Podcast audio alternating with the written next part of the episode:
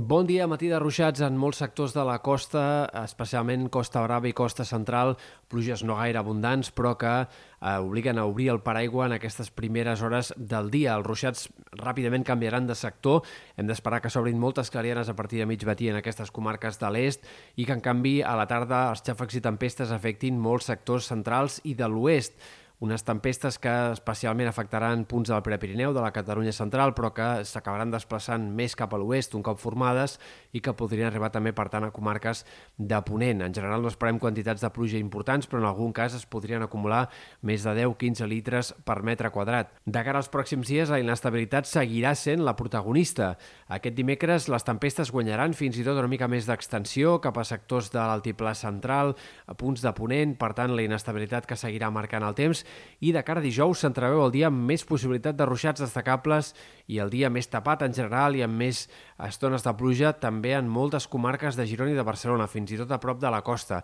Dijous és possible que algunes acumulacions de precipitació puguin ser més importants entre el Pirineu Oriental, l'interior de comarques de Girona, Catalunya Central, on alguns ruixats podrien acabar acumulant més de 30 o 40 litres per metre quadrat en algun cas. En canvi, de cara al cap de setmana, la inestabilitat probablement anirà de baixa, s'obriran més clarianes i els ruixats i tempestes de tarda quedaran més concentrats bàsicament en sectors del Pirineu i seran bastant més aïllats. Tot i així, a llarg termini, els models de previsió segueixen apuntant que la inestabilitat no s'estroncarà fàcilment i que la setmana que ve, i probablement també fins i tot la setmana del 5 al 12 de juny, encara haurem de seguir parlant de temps inestable, de possibilitat de ruixats, i veurem si d'algunes pluges potser més importants. De moment no hi ha indicis clars d'això,